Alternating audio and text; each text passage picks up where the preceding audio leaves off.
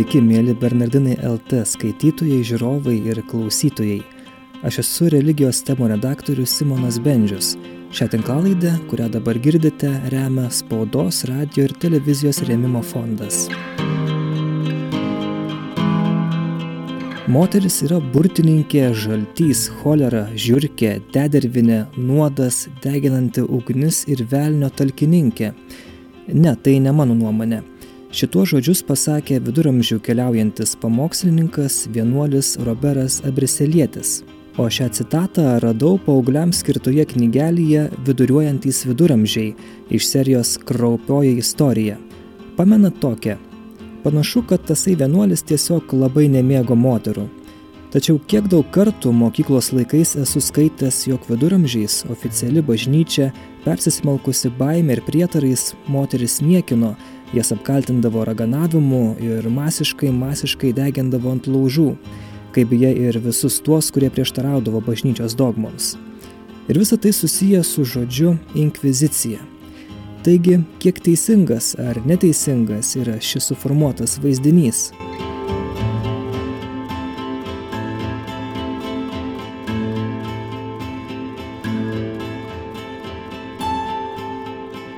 Tai nebuvo tokia institucija, kaip, kaip labai dažnai populiarioje populiarioje literatūroje, spaudoje yra rašoma, tai buvo šiek tiek kitokia institucija. Vienas dalykas, taip, tai reikia, istoriją reikia žinoti viso, visoms pusėms, su, suinteresuotom. Nes labai dažnai, kas ginčiuose pasimeta, tai būtent tai, ką mes žinom iš istorijos ar ką galime žinoti ir to, kaip norėtume įsivaizduoti, kokia ta istorija buvo ar tai būtų bandant visiškai išteisinti, tarkim, kad na, visai, visai, visai viskas buvo puiku, ar pasakant, kad na, nieko iš viso gero nebuvo, tai labai svarbu yra nepamesti pačios istorijos visose ginčiuose. Mano pašnekovas Pijus Krūminas, viduramžių istorijos mėgėjas, ekonomikos mokslų daktaras. Jis pasakoja apie penkis labiausiai paplitusius mitus susijusius su inkvizicija. Pirmasis mitas kad tai buvo vieninga bažnyčios iš viršaus nuleista organizacija.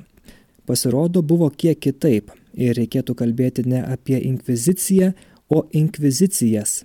Kiekviename regione jos veikia atskiros. Daug kas priklausydavo nuo vietinių pasaulietinių valdovų, tad inkvizicija kartais galėjo pasitarnauti ir kaip politinis įrankis. Taip pat Pijus paneigė ir antrąjį mitą kad inkvizitoriai degindavo visus, kas tik pasitaikydavo jiems po ranka ir neįtikdavo. Tiesa, labai apsidžiaugti juos pamatęs taip pat negalėtum. Taip, tai čia turbūt reikėtų išskirti iš, ne vieną inkviziciją, o kelias turbūt gal paprasčiausia būtų į dvi dalis dalinti tai, ką mes vadinam inkvizicija. Tai viena iš jų veikusi, institucija veikusi e, viduramžiais ir ta institucija buvo labai tokia šiek tiek kaip palaida bala nes kuomet inkvizicija atsiranda 12 e, amžiaus pabaigoje, 13 amžiaus pradžioje, iš esmės tai yra labiau įsteigiama tokia institucija kaip inkvizitoriai, kurie yra siunčiami į Europos dalis, kuriuose e, veikia eretikai, tai daugiausiai tuo metu katarai, albigiečiai, tai yra pietų prancūzija pagrindai, kurie siunčiami dažnai dominikonai ar, ar, ar pranciškonų vienuoliai kur nuvykti išsiaiškinti situacijos ir identifikuoti eretikus ir juos sugražinti į bažnyčią. Tai čia yra vienas toksai, žodžiu, kur yra labiau tinklas inkvizitorių, kurie remiasi panašiomis praktikomis, bet jie nėra vienas su kitu kažkaip susiję kaip viena institucija, kaip turėtume omeny. O tai, ką dažnai žmonės tą patį su inkvizicija, tai turbūt labiau yra viduramžių pačios pabaigos ir um, renesanso laikotarpio, ankstyvųjų naujųjų laikų laikotarpio organizacijos. Tai yra uh, atskiruose regionuose įskirtos institucijos jau tokios kaip tikros institucijos, tai yra su savo hierarchija, tai e, aukšta didelė įtaka iš valdovų, tai pirma tokia atsiranda 15 amžiaus pabaigoje, 1478 e, įsteigiama garsioji Ispanijos inkvizicija, ispaniškoji inkvizicija. Ir tuomet atsiranda tokios, atsiranda Romos inkvizicija, Venecijos inkvizicija, Portugalijos inkvizicija, kitaip tariant, tokios jau labiau struktūruotos, e, labiau institucionalizuotos organizacijos, jau nebėra toksai kaip tiesiog inkvizitorių tinklas, o jau su tam tikra paskirtim veikiančios pilnai organizacijos. Tai čia tas toks vienas turbūt dažnesnių mitų, kad, na, inkvizicija apskritai buvo tik labai vientisas darinys. Tai toksai jisai nebuvo ypač viduramžiais, bet net ir ankstyvais naujaisiais laikais tai yra na, tam tikram regione veikusi, veikusi institucija. Tikslas buvo, kiek suprantu, inkvizicijos ar inkvizicijų stabdyti plintančias erezijas. Ar žmogui užtekdavo vien tik pasakyti, nežinau, draugų rate, kad štai aš nelabai tikiu tą ar tą bažnyčios dogmą, ar vis tik tas eretikas turėdavo būti jau labiau aktyvus, plačiau skleisti savo tiesas, tam, kad jau inkvizicija juo, sakytumėm, susidomėtų? Labiausiai inkvizicija domėdavosi visų pirma tais regionais, kuriuose daugiau veikdavo tai kas vadin, galima vadinti e, e, ereziniais judėjimais. E, tai ir, pavyzdžiui, čia, kaip jau minėjau, ir ne pietų Prancūzijoje, į kurią ir nukreiptos pirmosios inkvizicijos. Ir čia iš tikrųjų jau svarbu yra pats galbūt procesas, kaip inkvizicija vykdavo. Tai vėlgi, čia jeigu dabar kalbame, vėlgi, reikia iš karto skirti ir apie viduramžių, ir apie vėlyvesnę inkviziciją, tai jeigu kalbame apie viduramžių inkviziciją, tai kas galėdavo būti, tai atvyksta ar ne, tarkime, pora inkvizitorių į, į tam tikrą regioną ir jie pradeda savo tyrimą. Tai visų pirma yra sukviečiami žmonės tenais, na, gyvenantis tam tikrą miestelį, nežinau, kaimeliuose ir panašiai, kad jie suteikia tam tikrą periodą prisipažinti, ar turi eretinių įsitikinimų ar neturi eretinių įsitikinimų. Jeigu prisipažįsti, kad turi, tai ten gauni, tarkime, ar ne lengvesnė bausmė, galbūt kažkokią piligrimystę ar panašiai. Jeigu ne, tai tuomet yra pradedamas uh, tyrimas, kuomet na, galima jau ieškoti liudininkų, ar negali ateiti liudininkai pas inkvizitorius ir jiems liudyti.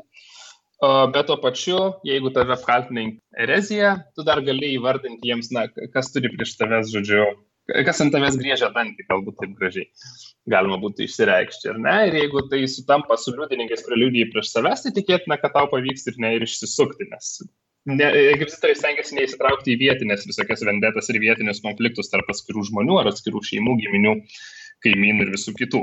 Tai buvo, kitaip tariant, tam tikras procesas ir tyrimas, įskaitant, ar ne, su galimybė e, kažkokia apsiginti, be abejo, tai nė, nėra galbūt tokie procesai ir nesu advokatais, e, prokurorais ir panašiai, kaip turime dabartinėse teisinėse sistemose, bet vis tik tais galimybė apsiginti buvo.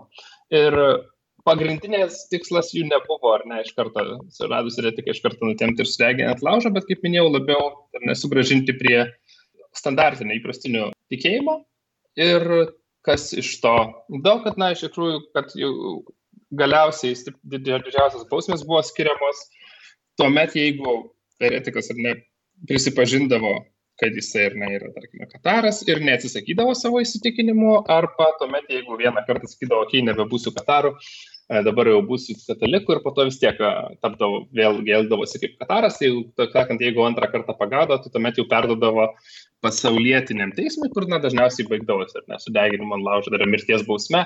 Čia, aišku, yra dažnai vienas iš argumentų, kuris tinkamas ir nesakant, kad, na, inkvizicija nebuvo ir tokia jau visai, visai nebuvo bloga, nes patys mirties bausmų nevykdavo, bet, na, jeigu tu atiduodi pasaulietiniam teismui, tai labai gerai žinai, kas žmogaus laukia. Tai toksai, žodžiu. Na, čia apskritai turbūt, kad su inkvizicijos tema tas toks tarp dviejų pusių, nes yra labai, kurie ar ne visą istoriją mato tik labai šitą per, per, per juodą prizmę, arba tokių, kurie bando labai per šviesą prizmę visą tai parodyti. Ir šiek tiek buvo toks tam tikras mišinys to ir to. Galime net prisiminti ir tos, tos pačius kankinimus tardant. Tai viena vertus taip turime tą standartinį išplėtotą legendą apie, apie labai platų įtaikymą. Kita vertus, bandoma sakyti, kad, na, buvo labai gerai institucionalizuota, ar ne 1252 metais leidžia popiežius Inocentas IV naudoti kankinimus, bet jis apibrėžia tam tikras e, konkrečias sąlygas, kada galima. Tai kankinimas visų pirma neturi lemti mirties, vesti prie mirties arba ne, ne, neturi prarasti kažkurios galūnės, rankos, kojos kankinamasis, galima naudoti tik vieną kartą ir tik tuomet, kai inkvizitorius jau kaip ir įsitikinęs yra kaltumu. Uh, tai, tai nėra taip ir juoda, bet na vis tiek tai nėra taip jau ir balta žiūrint bent ir, ir, ir šių dienų perspektyvos. Kiek per visą istoriją buvo ant laužo sudegintų inkvizicijos aukų? Tikslių skaičių turbūt niekad nesužinosime, tačiau Pijus Krūminas teigia, jog tie skaičiai dažnai būna pernelyg išpūsti. Tad šimta tūkstantinės ar net milijoninės statistikas taip pat vadina mitu. Galima rasti literatūros turbūt įvairiausių skaičių nuo ten e, šimtų iki milijonų bet na bent jau tie duomenys kurie yra nerodo kad dauguma būtų perdodama būtent pasaulietinei valdžiai jeigu kalbam apie pačius pavyzdžiui viduramžius. Tai buvo toks inkvizitorius Bernardas G, apie kurį ir Umberto Eko rašo Rožės varde ir pristato toli gražu iš gražiosios pusės. Tai žinoma yra šiek tiek apie jo darbą, ar nes kiek kartų jisai tyrė erezijas, tai žinoma apie 600 asmenų, kuriuos jisai tyrė, iš jų 7 maždaug procentai, tai yra apie 50 buvo, buvo perduoti pasaulietiniai valdžiai, apie pusę buvo įkalinta, kitiems dar buvo nurodyta nešioti išskiriamosius ženklus, na, kad tai yra eretikas, tam tikras ostracizmas skatinant.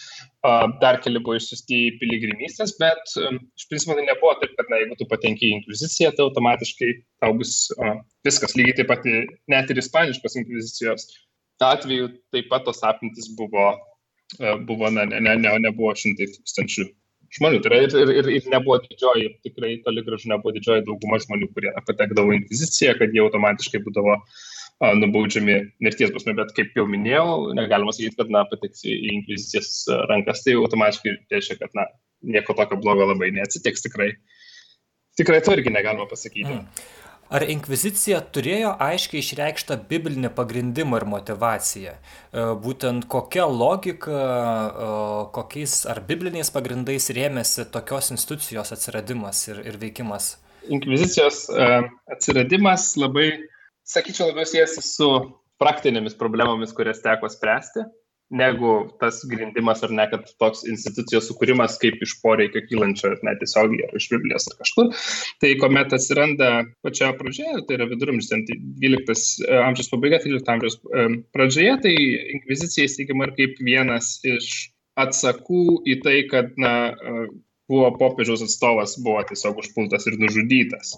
Ir kažką reikėjo daryti, ir ne, jau jeigu pradėjo žudyti vadinamieji eretikai popiežiaus atstovus, tai kažką reikėtų daryti, pavyzdžiui, kurti inkviziciją kaip tam tikrą instituciją, kuri galėtų eiti ir, ir, ir, ir, ir bandyti kovoti su tais eretiniais judėjimais. Ar tai reiškia... Čia kur buvo nužudytas, atsiprašau. O, dabar taip, aš netgi, jo, jo, taip bus Prancūzijoje. Šitas dalykas įvyko. E, Pierre de Castelnau yra vardas. Prie Montpellier įvyko visas šitas dalykas. 1208 metais jį nužudo ir popiežius Inocentas III tada jau, tada jau nutarė, kad reikia, reikia sustiprinti inkvizicijos veiksmus ar net tos tyrimus e, pietų Prancūzijoje prieš eretikus.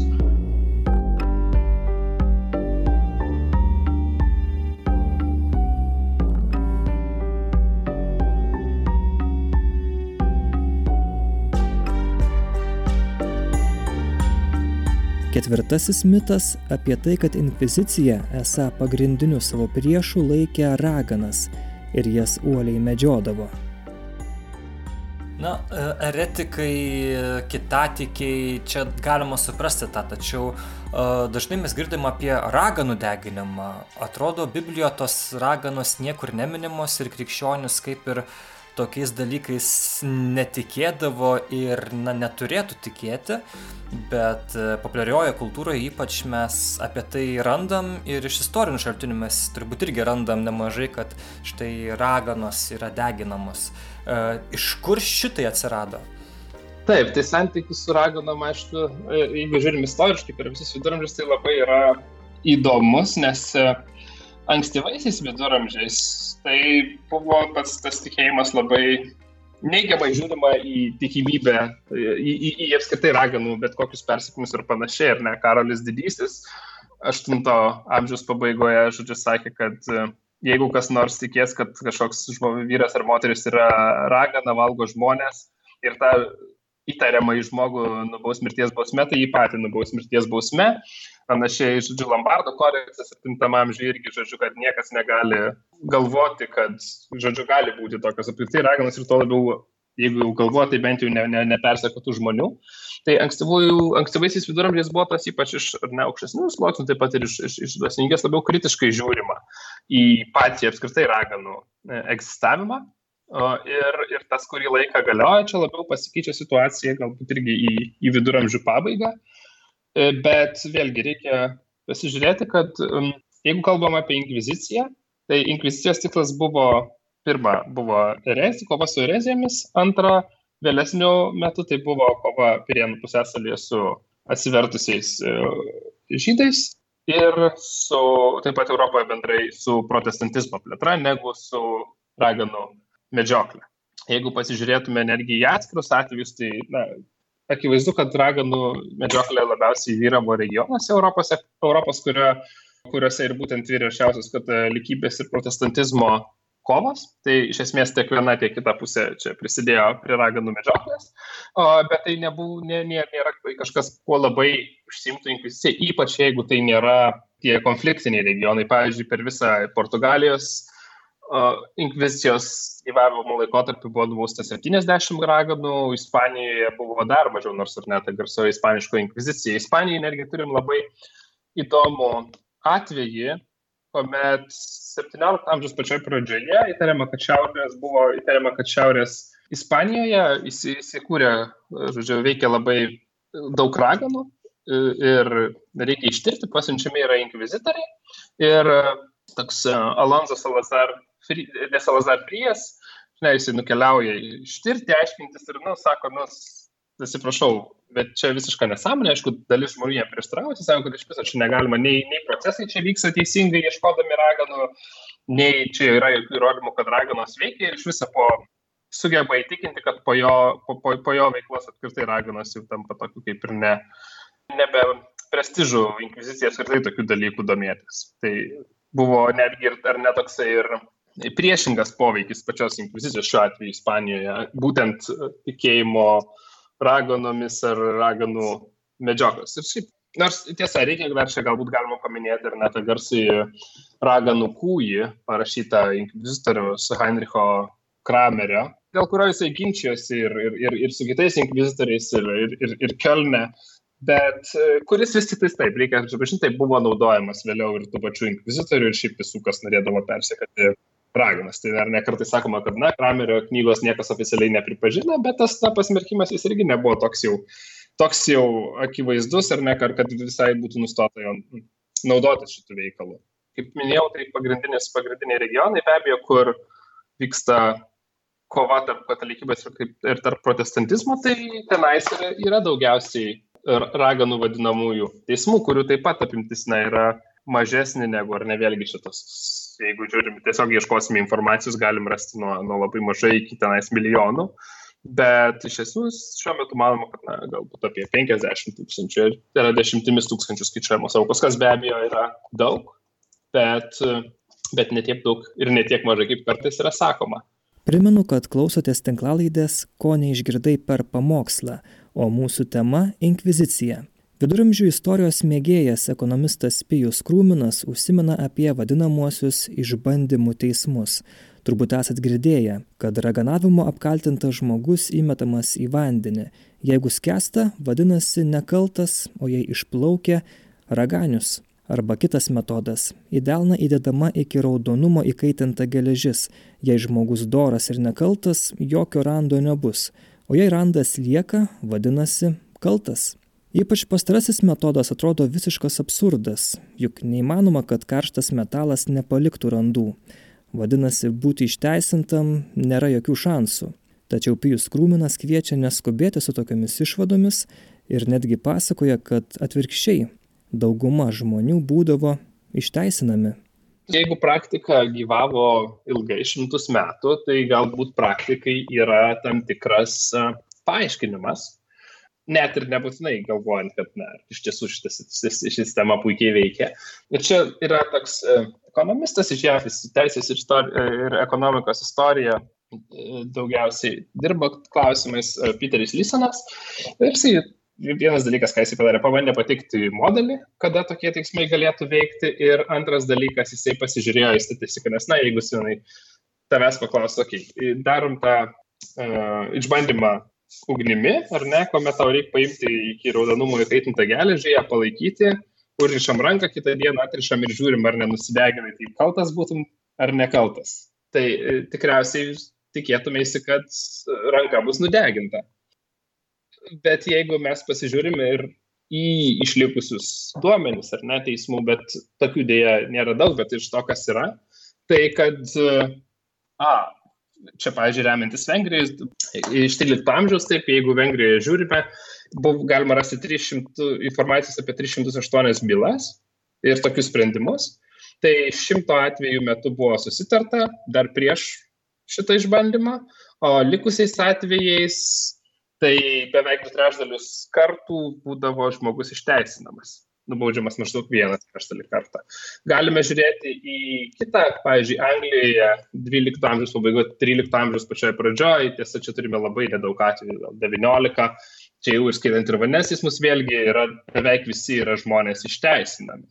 Tai kodėl ir kaip šitas galėtų veikti, tai na, pats, pavyzdžiui, Lysonas teigia, kad galimas paaiškinimas yra, kadangi na, tai turime viduramžiais ir ne labiau religingą visuomenę, kurie tiki, kad ta sistema veikia, tai jeigu tu esi kažką blogo padaręs, bandai tą nuslėpti ir tau sako, kad na, pabandysim tau ranką tuoj įkaitinti, Jeigu tu esi kažką kalto padaręs ir tu tuo tiki, tai tu turi du pasirinkimus. Arba prisipažinti, ar ne, tuomet turėsi, būsi nubaustas, bet bent jau rankos nenudegsi, arba neprisipažinti, bet tada nudegsi ranką ir vis tiek bus nustatyta, kad tu esi kaltas. A, tai tokiu atveju tiesiog dažniau rinkdavosi prisipažinti, negu eiti iš tų kelių ir tą žinodami ir ne kunigai, kurie paprastai, ar patasininkai, kurie administruodavo teismus, tuos žmonės, kurie rinkdavosi teismą, dažniau leisdavo, na, ne, neįkaitinti geležies tiek, kiek nori ar panašiai. Tai, na, čia toks galėtų būti vienas iš paaiškinimų, nes, na, iš tikrųjų, jeigu pasižiūrėmi skaičius, tai atrodo gana netikėta, kad didžiąją dalis atvejų tas uh, sprendimas būdavo išteisinantis. Tai tiesiog kažkaip tie dvasininkai, na, pasigalėdavo tų žmonių, ar, ar kaip? Taip, kadangi didesnė tikimybė būtų eiti į išbandymą nekaltam žmogui, tai jeigu jis jau nueina, jis veikiausiai yra nekaltas. Aišku, kad sistema veiktų, turi būti kažkiek, kažkiek ir kaltųjų rasti, nes jeigu niekada nieko nenubausi, tai kažkaip vis tiek įtartina pasirodys. Taip, bet aišku, tai, čia, čia yra viena iš, iš, iš, iš teorijų vienas galimas paaiškinimas, kita vertus, ta, tie duomenys, kurie egzistuoja, rodo, kad, na, kad kažkas su tais teismais nebuvo irgi visai, visai taip jau kaip na, yra pasakoma ar ne legendose. Netgi kalbant apie apie išbandymus vandeniu, ar ne, kuomet įmetamas žmogus į vandenį skęsta, neskęsta, kad dėl kūno sudėties vyrai yra labiau linkę skęsti, e, tai dėl to dažniau įdavo taip vyrus, ar ne, jie įmeta, žmogus skęsta, vadinasi, okei, okay, nekaltas ištraukiam ir, ir viskas bus gerai, niekas juos ten nuskęsti nepalikdavo. Ir penktasis mitas apie inkviziciją, kad ši organizacija ar organizacijos tiesiog nekentė mokslo progreso. Tipinis pateikiamas to pavyzdys - italų astronomo Giordano Bruno sudeginimas ant laužo dabar neseniai, kuomet buvo atnaujintas e, televizijos serialas apie mokslą, mokslo populiarinimą Kosmosas, nes su Neil deGrasse Tyson. Vėlgi buvo grįžta prie šito klausimo, ar nerodant, na, kad, kad inkvizicija to pačiu labai aktyviai veikia ir kovoje su mokslu ir, ir, ir, ir mokslinėmis idėjomis, ar ne, tai šitą atvejį galima dar būti dėl to ginčytis, ar ne, tarkim, Galilėjo atveju, bet Giordano Bruno atveju panašu, kad to nebuvo, ar ne, jisai buvo, jis tikrai labai daug neparankių įsitikinimų arba ne, kitokių įsitikinimų negu, negu katalikų bažnyčia turėjo ir dėl jų buvo daug, daug ginčių, tačiau bandymas parodyti, ar ne, kad jis buvo, tapo tokiu kaip ir mokslo kankiniu, tai veikiausiai nėra teisingas. Ir, ir čia iš tikrųjų dėl, dėl kelių dalykų. Vienas būna argumentas, ne, kad Bruno kalbėjo apie galima daugelio pasaulio egzistavimą ir kad tose pasauliuose taip pat gali egzistuoti gyvybė, bet jeigu pasižiūrime tos pačius viduramžius, galime turėti e, Nikolą e, Kuzietį, kuris irgi atstovavo tokias pačias mintis ir buvo vienas iš svarbiausių žmonių bažnyčioje, tačiau na, ne, neužsitraukė nei, nepatraukė nei vizicijos dėmesio, nei jokio kito, ar ne kitas yra teiginys, kad Bruno taip pat labai buvo nubaustas už heliocentrinės teorijos sėkimą, bet vėlgi nėra įrodymų, kad būtų baustas būtent dėl to, ar nesakoma, kad, na, buvo vienas iš jam klausimų užduotų, ką jis galvoja apie heliocentrizmą e, inkvizicijos retardymo metu, bet jeigu pasižiūrėtume, tai vėliau tą patį klausimą inkvizicija svarstė su Galilėjumi, tad jeigu sprendimas būtų priimtas dar Bruno, Bruno proceso metu, tai Galilėjos proceso metu tai jau net nebebūtų kilęs kaip klausimas, ar, ar tas tikėjimas heliocentrizmu yra eretinis ar neeretinis. Tai veikiausiai, kad Bruno veikiausiai tiesiog buvo sudegintas dėl, dėl, dėl kitų, tai yra dėl savo filosofinių religinių įsitikinimų, kurie gerokai prieštaravo katalikų bažnyčios pozicijai.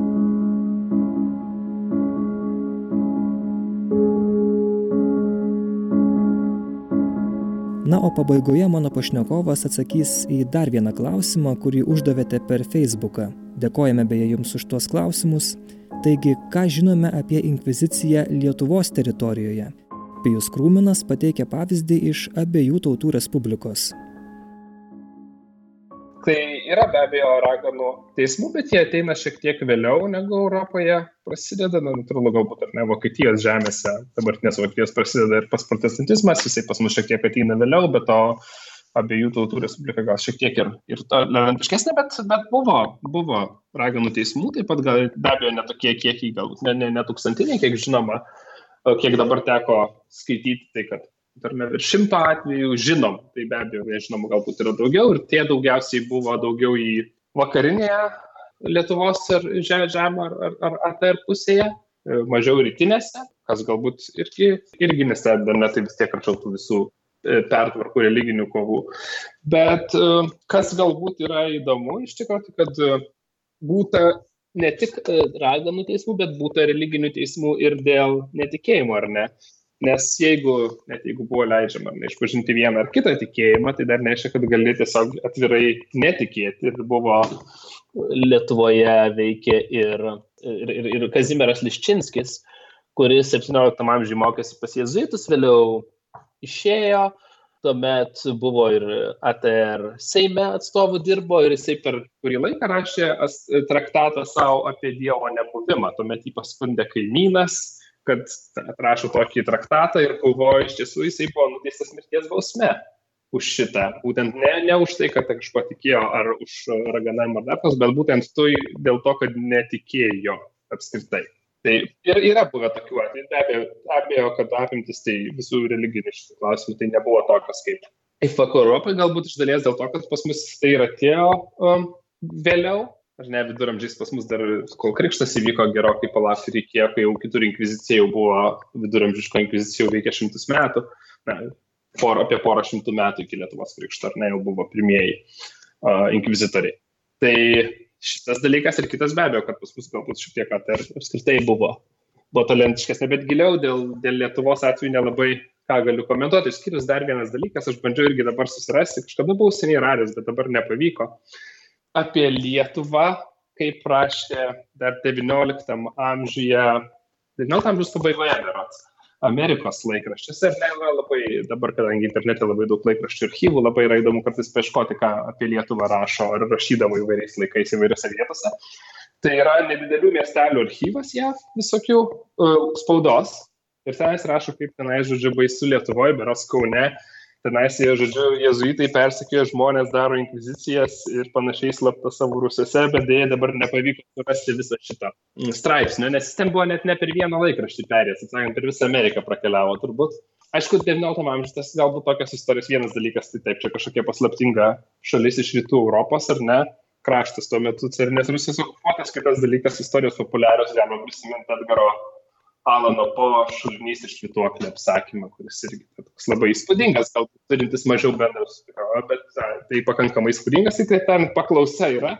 Tai Lietuva buvo irgi minima prie šitokių e, istorijų, aišku, pristatyta kaip faktas, ne kaip, nu, na, kokia ar ne iš, išgalvotas pasakojimas. Bet gaila nepavyko surasti dabar viso. Kada ir dėl ko pasibaigė inkvizicija? Taip, tai pasibaigė.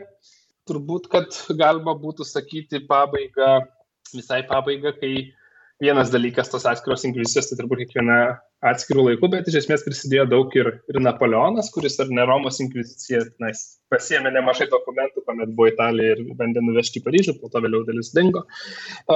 Bet vėliau įvyko ir tam tikros pertvarkos, aš dabar nepasakysiu lietuviško pavadinimo tikėjimo ten tos kongregacijos. Tikėjimo mokslo kongregacija. Taip, gali kildinti save iš, šiek tiek iš Romos, inkvizic, iš Romos inkvizicijos. Anksčiau taip ir vadinosi Šventoji Romos inkvizicija, šitą įstaigą. Taip, taip. Šičia tai iš tos pusės galima būtų sakyti, kad vis dar tęsiasi, tai jau ir, ir, ir funkcijas ir visa kita keičiasi, bet o kitos tai labai priklausomai nuo, ar ne, ten, tarkim, Venecijos, Ispanijos, Portugalijos, tai viskas priklauso nuo, nuo, nuo, nuo, nuo politinės situacijos.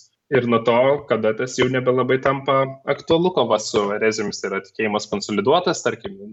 E, bet be abejo, taip ir kaip minėjau, kad ir, ir, ir, ir politinės e, kaitos, tokios kaip e, Napoleono žygiai taip pat prisidėjo prie to, kad institucija kaip, kaip tokia irgi būtų, būtų panaikinta. Kita vertus galima pasakyti, kad ir tais pačiais viduramžiais ne visur ta inkvizicija buvo paplitusi. Man atrodo, kad e, Berots Anglija ir Kastilijoje taip ir nebuvo ilgą laiką inkvizitorių labai aktyvių veiklų. Nu, po to Ispanijoje atsiranda ispaniško inkvizicija, bet šiaip e, buvo, buvo regionų, ne, ne visai visoje Europoje buvo paplitusi ir pati apskritai jinai.